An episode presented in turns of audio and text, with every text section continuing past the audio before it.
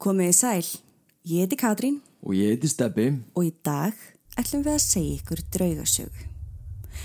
Í dag ætlum við að fara með ykkur til Írlands en ég er nokkuð vissum að við höfum ekki farið með ykkur þangað áður. Næ, það er rétt. Þetta er í fyrsta skipti. Írland er fallegur staður og þekktur fyrir ímislegt.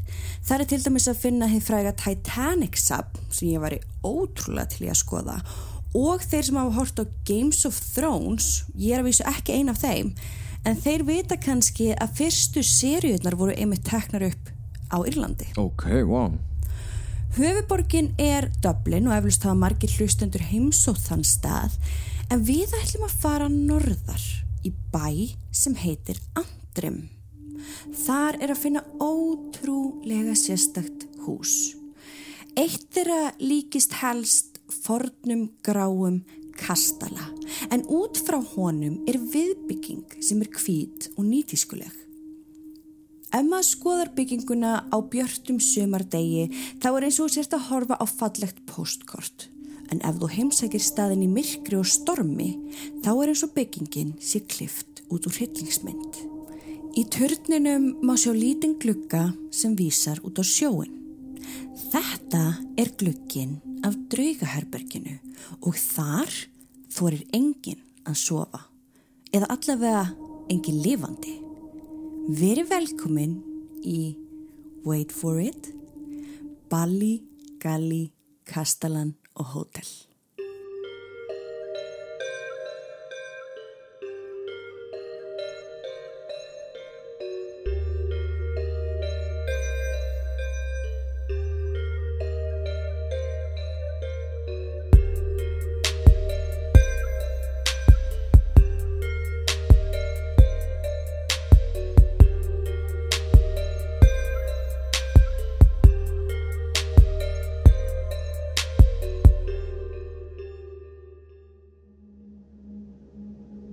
Balli Galli Kastalin í Andrim Síslu er klárlega reymdasta byggingin á svæðinu.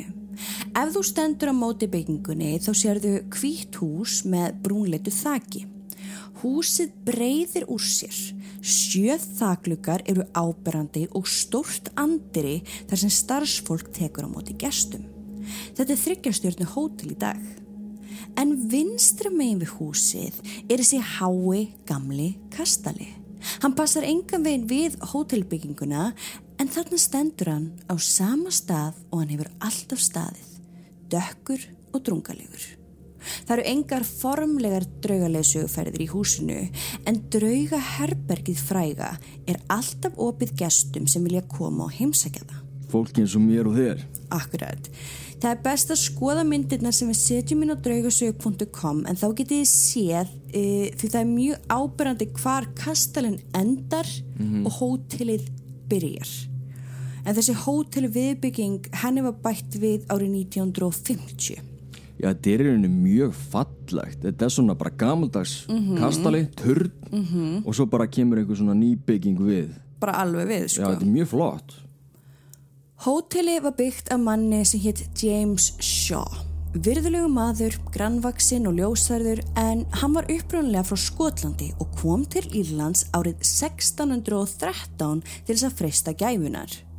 James Shaw byggði kastalan árið 1625 í frönskum stíl. Mjög gammalt kastali. Já, Og þetta vá. er bara svona típisku gammalt kastali. Mm -hmm. Þykki veggir, litli gluggar og svo koma svona litlir turnar upp í öllum hornum. Já, svona eins og einkennir kastala. Já.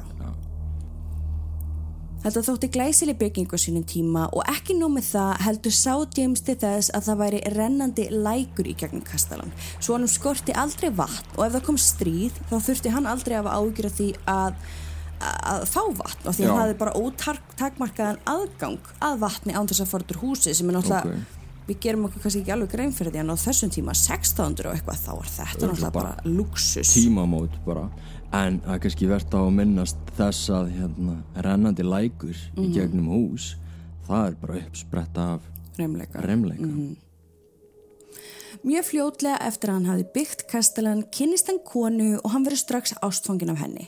Hann gengur vist á eftir henni einhver tíma en að lokum þá giftast þau. konan hétt Lady Isabel Shaw. Hún var ákveðin kona með sterkan munnsvip og dögt hár. Þau fluttu saman í Castella James og þar áttu þau að, að lifa saman hamingisum til æfi loka. Eða hvað? Sagan segir að nokkrum árum eftir að þau giftu sig hafi Lady Isabel Shaw orðið ófrísk og í kjölfarið fætt stúlkubarn. James Shaw var svo reyður og sár að hún hafi ekki fært honum són sem geti tekið við auðafi manns svo hann brá á það ráð að lokana inni í einum törnunum með litla glugganum sem snýra sjónum.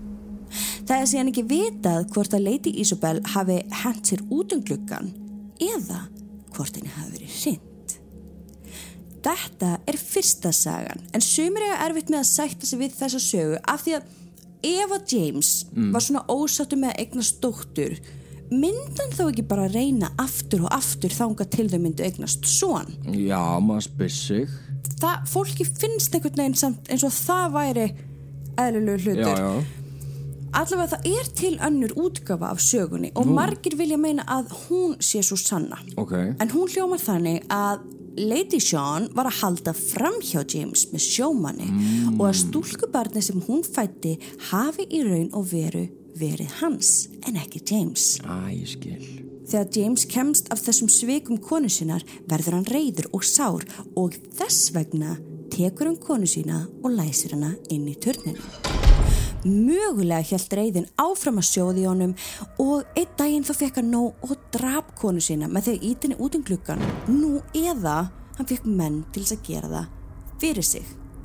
Eða, þriðji kostur, Já. Lady Sean hafi verið að reyna að flýja turnin sjálf og þannig Já. dottið niður gluggan. En bottom line er samt að Lady Sean, hún fellir út um gluggan.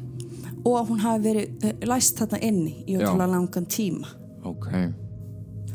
Saman hvort þú trúir sögu eitt eða tvö þá enda þær á sama hátt. Lady Sean er lokuð og læst inn í turnunum og á endanum deyr hún. Það kemur eins og hvergi fram hvað varðum barnið en líklega tók James það af konu sinni og ólða upp sjálfur nú eða losaði sig við það.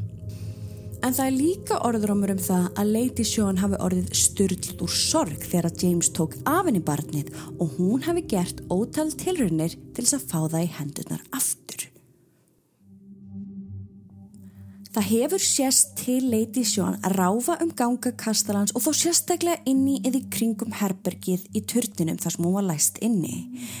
En hún er sko sannlega ekki eini draugurinn sem ráfarnum. Olga Henry er núverandi framkvæmdastjóri hótelsins en hún hefur unnið þetta frá 2003. Ok. Olga er fætt og uppalinn þarna á svæðinu en hún hafði aldrei hýrt söguna um Lady Sean fyrir hún fór að vinna þarna. Fyrst sem ég hugsaði þarna var bara eitthvað ok, þetta er bara eitthvað svona saga á milli starfsfólks. Já. Allavega, hún hafði alltaf verið skeptisk. Já. Aldrei trúað drauga og aldrei lent í neinu óvennilegu. Fyrr en hún byrjaði að vinna á hótelinu. Mjög fljótlega, eh, þá eiginlega bara fyrstu vikuna, þá fór hún að sjá skuggaverur og lendi alls konar uppákomum. Og þegar það gerist, þegar maður lendir í einhverju sjálfur sem, þú veist, maður veit að maður sá eða veit að maður heyrði, þá ósæðlega átt fer maður að trúa, eðlilega. Og það var akkurat það sem gerðist hjá Olgu Henry. Þegar fólk ringir og pantar herbergi á hótelinu, þá er fólk oftast að byggja um herbergi á hótelinu sjálfu. En það eru sömur gestir sem vilja fá að sofa í gamla kastalanum og þess vegna er í bóði fjögur herbergi þar sem hægt er að bóka. Ah. Klálega eitthvað sem við myndum bóka. Já. En stundum gerist það líka að öll venjulegu hótelherbyggin Já. eru uppbókuð og þá neyðast gestir sem bóka seint og síðan meir að sofa í gömlu herbyggjunum í kastalanum. Olga Henry segir sögu frá einu gesti sem lendir einmitt í þannig atviki. Þessi aðili átti leið í gegnum bæin vegna viðskipta en klukkan var orðið margt svo hann ákveður að stoppa og gista á hótelinu og út af því að hóteli var full bókað fjekk hann liklana af herbergi í gamla kastalanum. Þessi einstaklingur hafði ekki hugmynd um sögustæðarins og var því ekkert að kipa sér upp við að fá herbergi í eldri álmunni. Hann var líka döð þreyttur og það eina sem hann vildi gera var að leggjast upp í rúm, sofa í nokkra tíma og halda svo að stað heim. Mm -hmm. Þetta búið að vera langt ferðalag og þetta voru bara senustu dagarnir, hann vildi bara klára þetta. Já, ok. Hann fyrir styrtu, stilli vekjara klukku og hann var sopnar og innan við hálftíma. En um nóttina rangar hann við sér og hann vissi ekki alveg hvað hann var stattur. Við höfum eflust öll lendið í að vakna og finnast við einhver starf annar starf. Já, já, satt. Hann sérst lendir í því. Hann vaknar en hann liggur samt áfram með lokuð augun og hann að hann væri heima hjá sér. Hann lá á maganum með andliðið ofan í kottanum og út af því hann að hann væri heima hjá sér í svefnarbygginu sínu, í rúminu sínu, mm -hmm. þá far hann ekkert að spá mikið í þessum höndum sem voru á strjúkonum, klappunum á bakinu. Sjáu til, hann átti nefnilega börn og börnin hans voru vön að vekja hann á þennan hátt og þess vegna var þetta ekkert óveðrilegt. Hann fann þessar hendur strjúka upp og neður bakið á honum og svo fóru puttarnir að poti hann mjög laust en samt á þann hátt að hún fannst einhver vera að reyna að vekja sig. Eftir tvær þrjár mínútur þó rangar hann við sér og opnar augun. Hann áttur sér strax á hann er ekki heima hjá sér en það ógulega var að hann finnur ennþá fyrir hendinni strjúka upp og niður bakið á honum. Hann fröys og finnur hvernig hann byrjaði að svitna. Það var einhver fyrir aftanan að koma við hann. Hann tekur djúftin andan, rýfur af sér sangina, hoppar upp úr rúminu og snýr sér síðan í áttina því. Hann vissi ekki við hverju nátt að búast en það var einhver að snertan. Það fór ekkit á milli mála. En um leið og hann lítur á rúmið þá sér hann engan. Hann fer að vaskinum, skvettir vatni á andlit sitt, þurkað sér með hangklæðinu og gengur svo aftur á rúminu. Hann sest niður og lítur á klukkuna. Hún var fjögur á nóttu til. En á meðan hann sat aðna og var að hugsa hvort hann ætti að sofa lengur eða halda af stað heim þá heyrir hann barns hlátur. Líkt og barn verið að hlaupa í ringi inn í herbyggin hans og svo skyndilega hljóp það út. Þetta var nóg. Hann var svo styrlaður úr hræðslu að hann hleypur úr herbygginu sínu í afgriðsluna á nærböksunum og grátt byður um að vera færður um herbyggi. En þar sem hótelið var fullt var það ekki bóði en hótelstarfsmenn böðust til þess að pakka niður dótuna hans vegna þess að hann neytaði að fara aftur inn í herbergið. Wow. Mm -hmm. Ok, þannig að hann bara gæti ekki einu sinni klætt sér í född. Nei. Hann var það hrættur. Mm -hmm. Wow. Lean Bari á Íslandi með fyrsta flokks fæðibótarefni fyrir alla þínar þarfir. Hvað sem úrst að losna með auka kíló, byggja upp, auka styrk eða bara sitja heim í sófanum. Ég byrja aldrei daginn ef maður ískaldri fat burner koffinbomb á mótnana til að rífa mig upp. Og við hjá draugasögum erum við þetta bálskotin í ghost vörulínunni þeirra. Ef þú vilt fá personlega þjónustu frá skemmtilegasta starfsfólkinu skaldu kíkja til þér í Glæsibæ eða í tilbúsverður á leanbari.is. Á hótelinu eru alls konar fundasalir og í gamla hlutanum í kastalunum sem sagt er mm. fallegur matsalur sem er kallaður Díflissan. Ó, oh, ok. Díflissan er rungóður salur með stórum arin og limestone eða kalksteins veggjum. Já. Og það var einmitt í því herbergi sem Olga Henry lendir í einu fyrðulegasta atviki sem hún hefur orðið vitni af. Já, það má geta þessa kalksteinin, hann er... Eða limestone. Já, er svona talin, geima rosalega mikið af residual orku. Mm -hmm. Hann er svo náttúrulegur og hann er, hann er svona aðeins mýgri heldur en venjulegi steinin. Þannig að hann er mjög þekktur þegar það kemur að reymdum húsum. Hann er eiginlega eins og svampur, hann bara svona Já. tekur alla orku sem hefur verið í kringum hann í gegnum árin ára tugina, mm -hmm. tekur einhvern veginn í sig og einmitt getur síðan spila það eins og residual orku. Þetta er á íslensku kalksteinum, ég er samt mikilvægt að segja líka limestone af því ef þið viljið googla þetta eða Já. læra eitthvað meira um þetta þá eru þið ekki að finna neitt um þetta þegar þið skrifir akkurat, og draugagangur. Og það var árið 2003, sama ár hún hóf störf á hótelinu. Hún útskýrir að það var hópur leikstjóra að koma í heimsókn á hótelið og plani var að taka á móti þeim og þjóna þeim kvöldverði í dýflissunni. Olga Henry segir að þegar það er vonað svona stórum hóp í mat þá er þægilegast að raða á borðin og gera salin kláran kvöldið áður en gestinni koma. Svo hún fór á samt nokkru starfsmönnum í það verkefni. Hún sá til þess að allt borðstellið væri tandurhreint, skreitingar væri á sínu stað og að kerti væru í öllum stjökum. Það tók þurr svona klukkutíma að koma sér öllu í stand og þegar allt var klárt þá læsti Olga dýflusinu svo enginn myndi komast ákað inn fyrir kvöldið eftir. Morgundagurinn rann upp og leikstjórnir mættu á svæðið.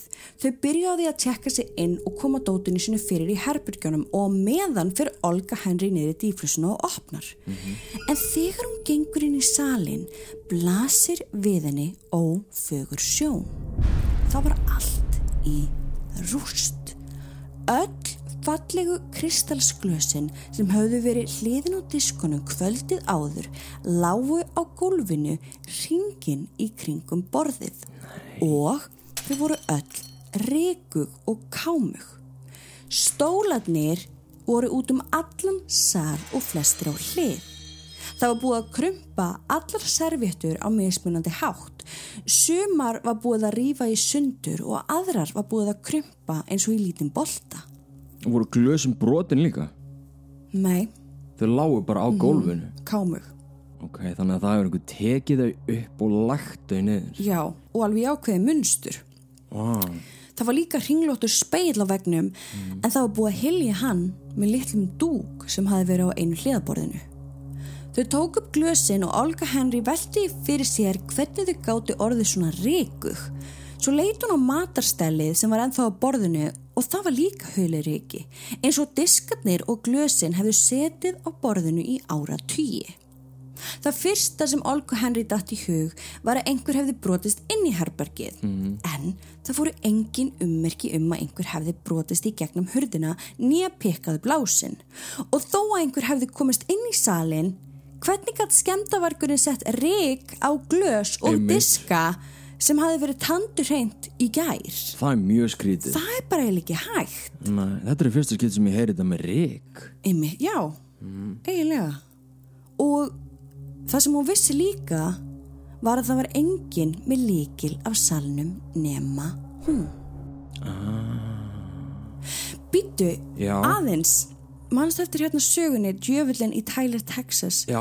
þar ringdi þar kom Rick Já þetta er poltergast Ásamt með hún Já hmm. Vá, þetta er bara típist ég, ég var ekki að fatta þetta fyrir Nei. núna þetta er típist poltergast Akkurat. activity Vá, ok, það er svolítið magna Það virðist vera að andarnir haldið sér aðali í kastalunum. Það var margir miðlar komið í heimsókn og flesti þeirra segja að þeir sjáu fleiri anda á göngunum heldur en lifandi gesti. Wow, Einmitt. ok Inn á heimasíða hótelsins er hægt að senda inn sína upplifun af draugunum og flestir sem hafa sendt sína sögur þangað inn eða komið neyri afgryslu meðan nótt styrlað af hræðslu eru sammála um að hafa heyrt eftirfarandi. Fyrst er það barna hlátur. Fólk heyrir barnahlátur inn í herbyrgjónum sínum eða á ganginum og því líst þannig að barnið virðist vera að hlaupa hingað og þangað. Þú veist það bara svona kemur og fer en, og, og þú heyrir hláturinn, þú veist, fara fjarlægast þér. burt, Já. já. En hláturinn er ofta, hann er það skýr Já. að oftast heldur fólk að það sé bara barn fyrir utan hurðina hjá sér Wow, og mögulega er þetta stúlkubarni sem fættist mörg hundru árum áður. gæsa út Annað sem fólk kvartur yfir er sturtan, aftur típist poltergeist activity. Með vatnið Hún virðist fara í ganga sjálfum sér. Og síðan eru það böngin. Fólk talar um að það sé banka fast á herbyggisteytna þeirra á hvaða tíma sem er. Stundum á morgnuna og stundum á nóttunni jafnvel. Fólk yfir hunsa bankið en þeir sem fara til dyra sjá engan.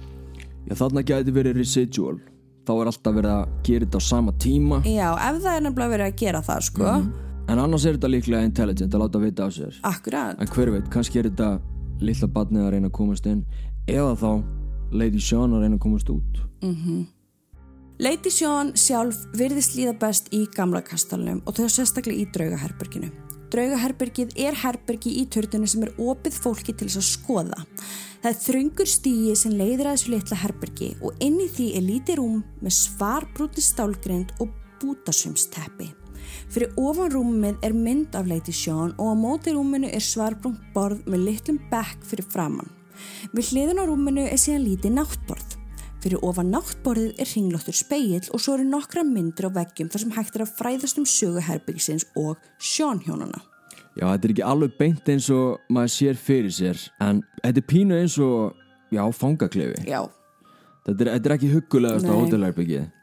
nei ég held að þetta sé heldur ekki, sko ég held að fólk bók ekki þetta herbyggi sko. Já, ekki nema ég og þú. Já, og reynda líka hérna Kim sem við erum bara að tala um. Viku Ok. fyrir Halloween 1998 var á svæðinu Kim Leganhan sem var fréttakona fyrir BBC Radio. Ok. Hún var að safna saman alls konar skemmtilegu spúki efni fyrir þáttin og hún ákveður að skora á sjálfan sig og eigða nótt í Balligalli-kastalunum í draugaherbygginu. Vel gert. En hún vissi ekki alveg hvað hún var búin að koma sér úti. Hún bjóst við að þetta er skemmtiferð. Jú, auðvitað er þetta spooky en mjög líklega myndum bara hafa gaman að.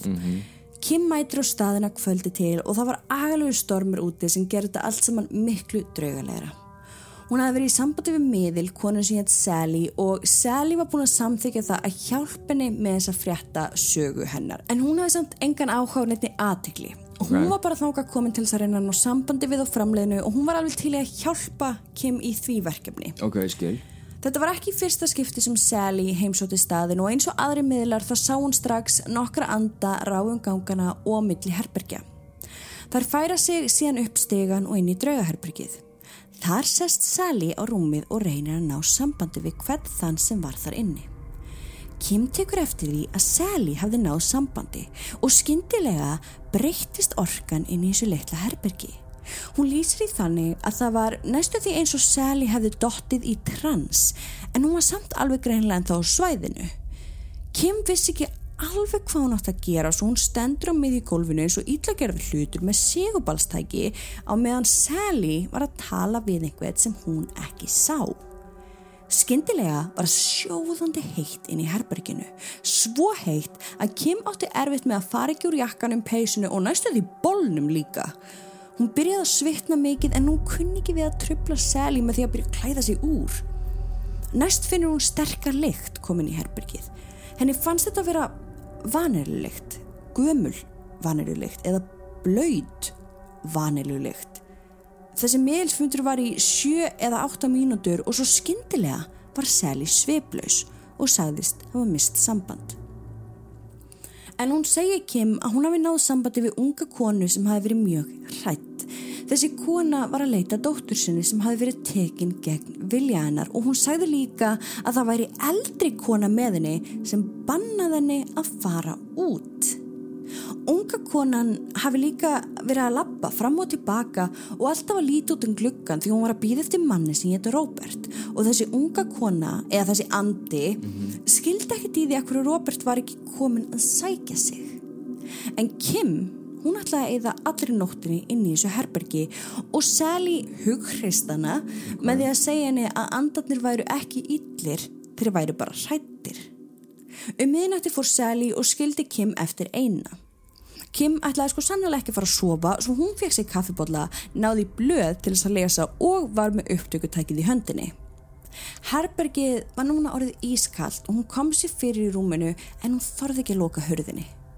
Um klukkan hálf þrjú er hún samt orðin rosalega þreytt og klukkan þrjú var herbergið orðið sjóðandi heitt. Alveg eins og hafði gerst þegar meðlinn var alveg kvöldið Alveg rétt. og skyndilega kom lyktin aftur og í þetta skipti var hún sterkari. Kim satt hálf lömuð úr hræðslu. Hún tekur upp upptökutæki sitt og fyrir að taka upp en hún var hann svo hrætt að hún ákveður að fara út úr herberginu. Hún niður stegan og lyktin eldana. Alveg þanga til hún gekk inn í nýbygginguna þá hvarf lyktin bara síð svona. Hún fyrir á barinn og fær sér brandi og reynir í nokkra mínútur að peppa sig upp og Ok. klára nóttina. Já. En á endanum þá gafst hún upp og hún fekk útlutað annað herbergi. Nei, hún meikaði ekki nóttina. Nei. Oh, Eftir morgumatinn daginn eftir ákveður Kim að fara upp í draugaherbergið í seinasta skiptið til að horfa út um gluggan í dagspyrtu. Hótelstjórin fyrir með henni upp. Kim gengur inn í herbergið sem var ískalt og lítið, alveg eins og kvöldi áður. -hmm. Hún fann enga lykt þegar hún gekka glugganum og leitt út um hann. En allt í einu kallar hótelstjórun á hana og beður hann um að koma. Og þegar að Kim að lappara litla speklinum sem er inn í herberginu var búið að skrifa nafnið hennar Kim. Þetta var reikur speill og einhver hafði farið með puttan í reikið og skrifað nafnið Kim.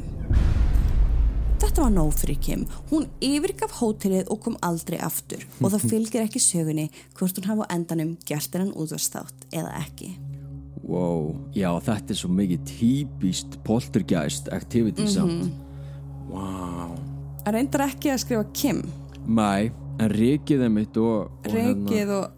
vatnið og þessar skrýtnu hitabreitingar að því maður tengir oft við kulda Mhm. en ekki hita Nei. Balli Galli kastalinn og hótelið býður upp á gamaldags og nýtískulegt umhverfi.